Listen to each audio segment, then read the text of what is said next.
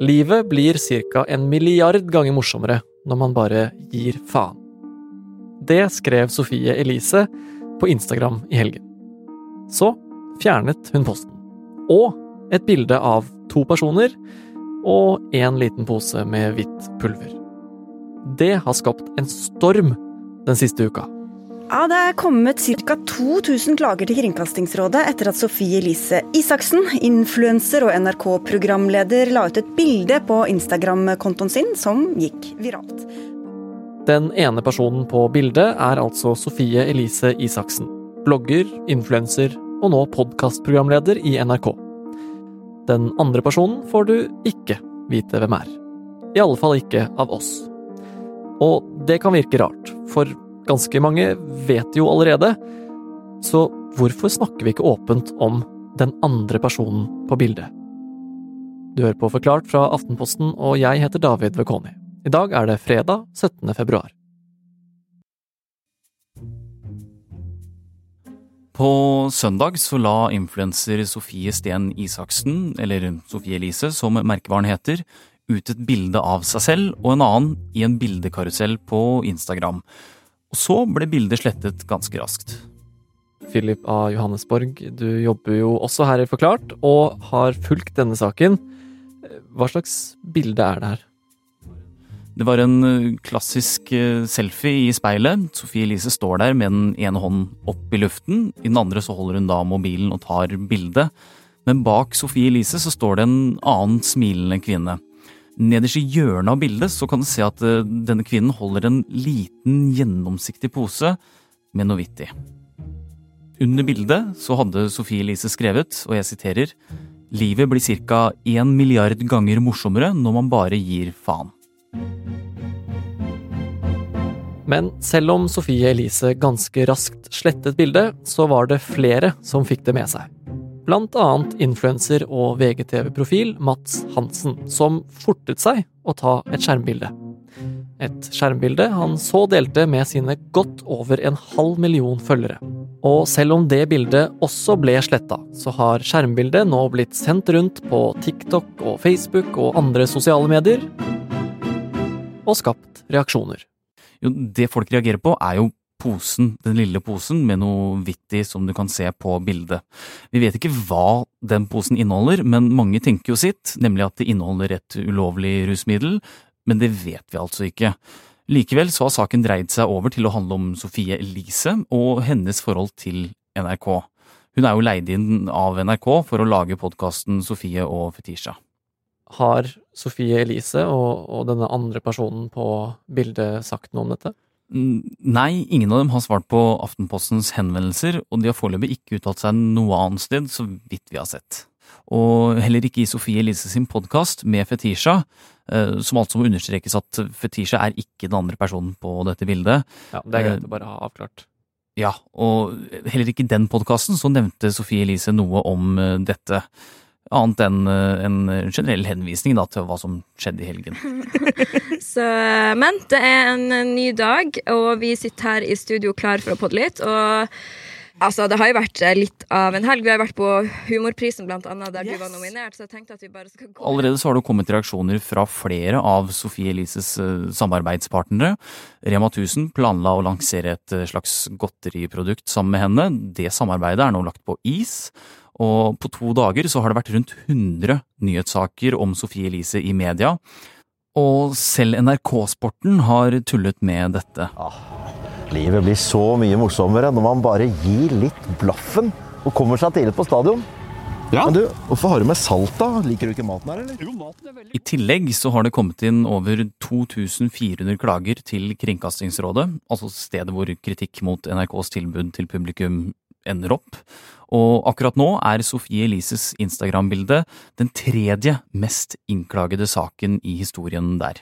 We love you og setter mer pris på enn noensinne, i alle fall meg. Eh, hver eneste person som sier noe fint eller normalt til meg. Men eh, hvorfor handler det her om eh, NRK, da, og, og ikke om Sofie Elise, bare? Når du er knyttet til NRK, allmennkringkasteren som lever på skattepengene våre, så mener flere at det stilles større krav til deg som offentlig person. Det flere kommentatorer peker på, det er at NRK burde ta mer ansvar, at NRKs troverdighet og samfunnsverdi blir utfordret av dette samarbeidet. Og da spesielt etter at dette bildet dukket opp. Ja, og, og NRK, da, hva sier de?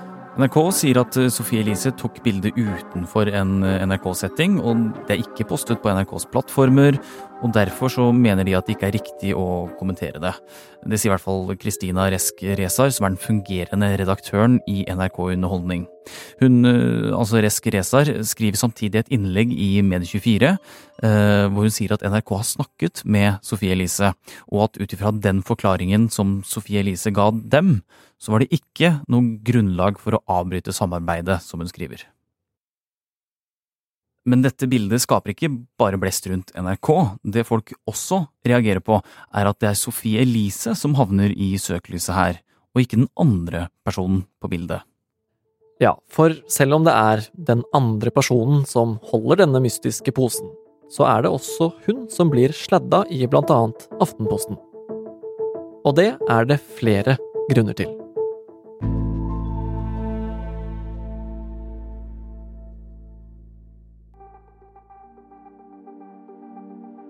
Tone Tveøy Strøm Gundersen, du er nyhetsredaktør i Aftenposten, og det betyr jo da at når eh, denne avisen velger å anonymisere en person eller ikke, så er det til syvende og sist opp til deg. Og Aftenposten har valgt å ikke si navnet til den andre personen på bildet, eller noe som helst identifiserende om henne. Hva er det som ligger bak den avgjørelsen? Eh, det er jo alltid en grundig vurdering vi må gjøre eh, før vi velger å publisere. Utgangspunktet for i det hele tatt å publisere det bildet, der vi har valgt å anonymisere en av personene på bildet, er jo at vi har skrevet en sak, publisert en sak, som handler om Sofie Elise, og hvordan det bildet har ført til en klagestorm til NRK, som Sofie Elise som influenser har en kontrakt med. Det er utgangspunktet for journalistikken, og som vi har laget journalistikk om. Og da er det jo naturlig at det er hun som er i, i, sentrum. Og i dette tilfellet så er det jo noen argumenter for å publisere bildet og, å identifisere begge personene, som blant annet handler om at bildet ble publisert på en stor offentlig konto som tilhører Sophie Elise. Men så er det da også noen grunner imot da, som gjør at vi har landa på det. Hvilke grunner er det? Da handler det jo i hovedsak om at vi vet veldig lite om omstendighetene rundt dette bildet. Vi vet ikke uh, hvor bildet er tatt. Vi vet ikke noe om uh, situasjonen i forkant av uh, at bildet ble tatt, eller hva som har skjedd i ettertid. Og vi vet heller ikke om den andre personen på bildet har aktivt medvirket til at bildet skulle publiseres i utgangspunktet og spres på sosiale medier. I tillegg så har vi gjort en vurdering ut fra det vi kaller klanderverdige forhold, vil si potensielle lovbrudd. Og dette bildet viser jo at den personen som vi ikke har identifisert, holder en liten pose i hånden som inneholder hvitt pulver. Vi vet ikke hva det er, men det, jo, det er jo potensielt et lovbrudd. Og når det er et potensielt lovbrudd, så pålegges mediene å være ekstra forsiktige, og da må vi være ekstra varsomme med hva vi publiserer. Hvorfor må vi være ekstra varsomme da, når det er et potensielt lovbrudd? Er ikke det da ekstra interessant for folk å vite om? Jo, og da er det jo vår oppgave å forsøke å finne ut av mer om omstendighetene rundt dette bildet, og finne ut av mer om omstendighetene rundt disse potensielt, jeg understreker potensielt, lovbruddene. Eh, det har vi så langt ikke lykkes med, og det betyr jo også at den vurderingen jeg snakker om nå, den kan jo endre seg når vi får mer informasjon. Men det må vi jobbe for, og det jobber vi også for, å forsøke å finne ut av mer eh, om omstendighetene rundt dette bildet, og hva som faktisk skjer på bildet. Selv om det er en viktig del av vår jobb å dekke potensielle lovbrudd, så betyr det også at det er strenge krav til å få alle fakta på plass først, annet for å unngå forhåndsdømming. Identifiseringen av en person som potensielt kan ha gjort noe straffbart i en så profilert sak som denne, den er ikke lett å ta tilbake. Men Tone, hva er grunnen da til at vi ikke har mer informasjon om hva som faktisk skjer på dette bildet? Det er eh, særlig vanskelig fordi de to personene som er avbildet, ikke har sagt noe om bildet, eller ikke har valgt å uttale seg til mediene, eller ikke svare på de spørsmålene vi har forsøkt å stille dem. Og vi er jo avhengige av at de medvirker for å finne ut av mer. Eh, vi er i hvert fall avhengige av at andre også eventuelt rundt kan medvirke og gi oss mer informasjon før vi kan gjøre nye vurderinger. Det er jo mange medier som har valgt å ikke publisere bilde av de to eh, i det hele tatt. Men selv om vi da har sladdet ansiktet til den andre personen, så publiserte vi jo da selve bildet som et av de første mediene i Norge. Hvorfor eh, gjorde vi det, da? Vår vurdering er at øh, øh, saken vi skrev, tar utgangspunkt i dette bildet. Grunnen til at NRK har fått såpass mange klager, øh, er jo at Sofie Elise lager en podkast for dem, og de får klager som følge av dette bildet. Og da er jo bildet helt sentralt, og vi mener at leserne da øh, vil ha stor interesse av å se hva slags type bilde dette dreier seg om, for å også forstå hvorfor vi lager journalistikk om det.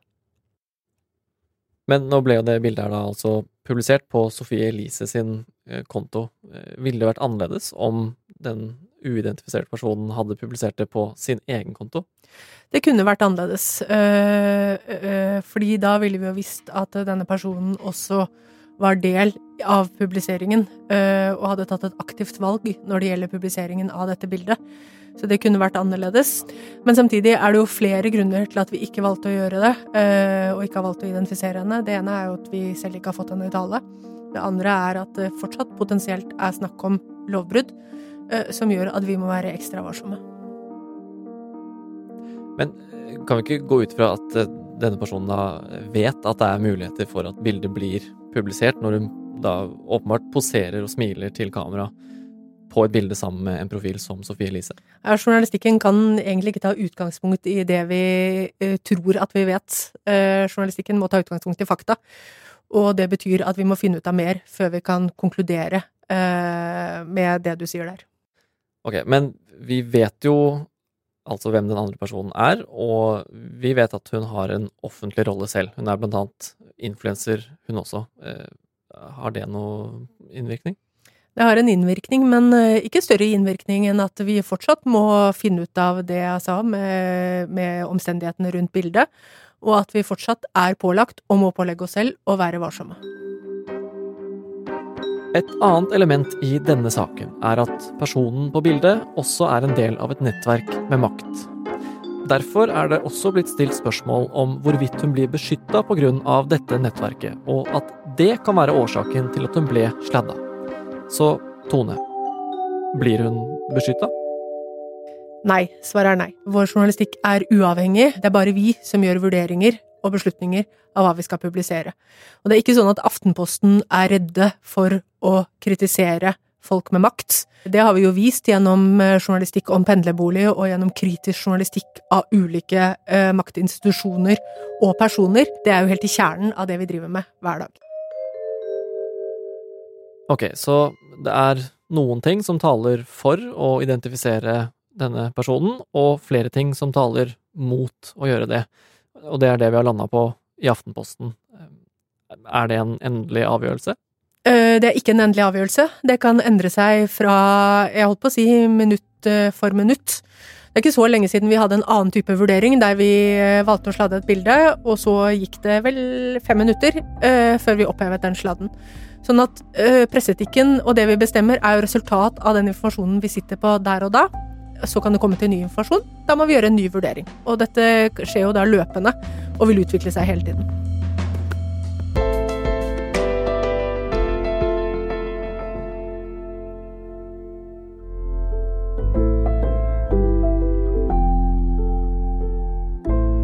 Du har hørt en podkast fra Aftenposten.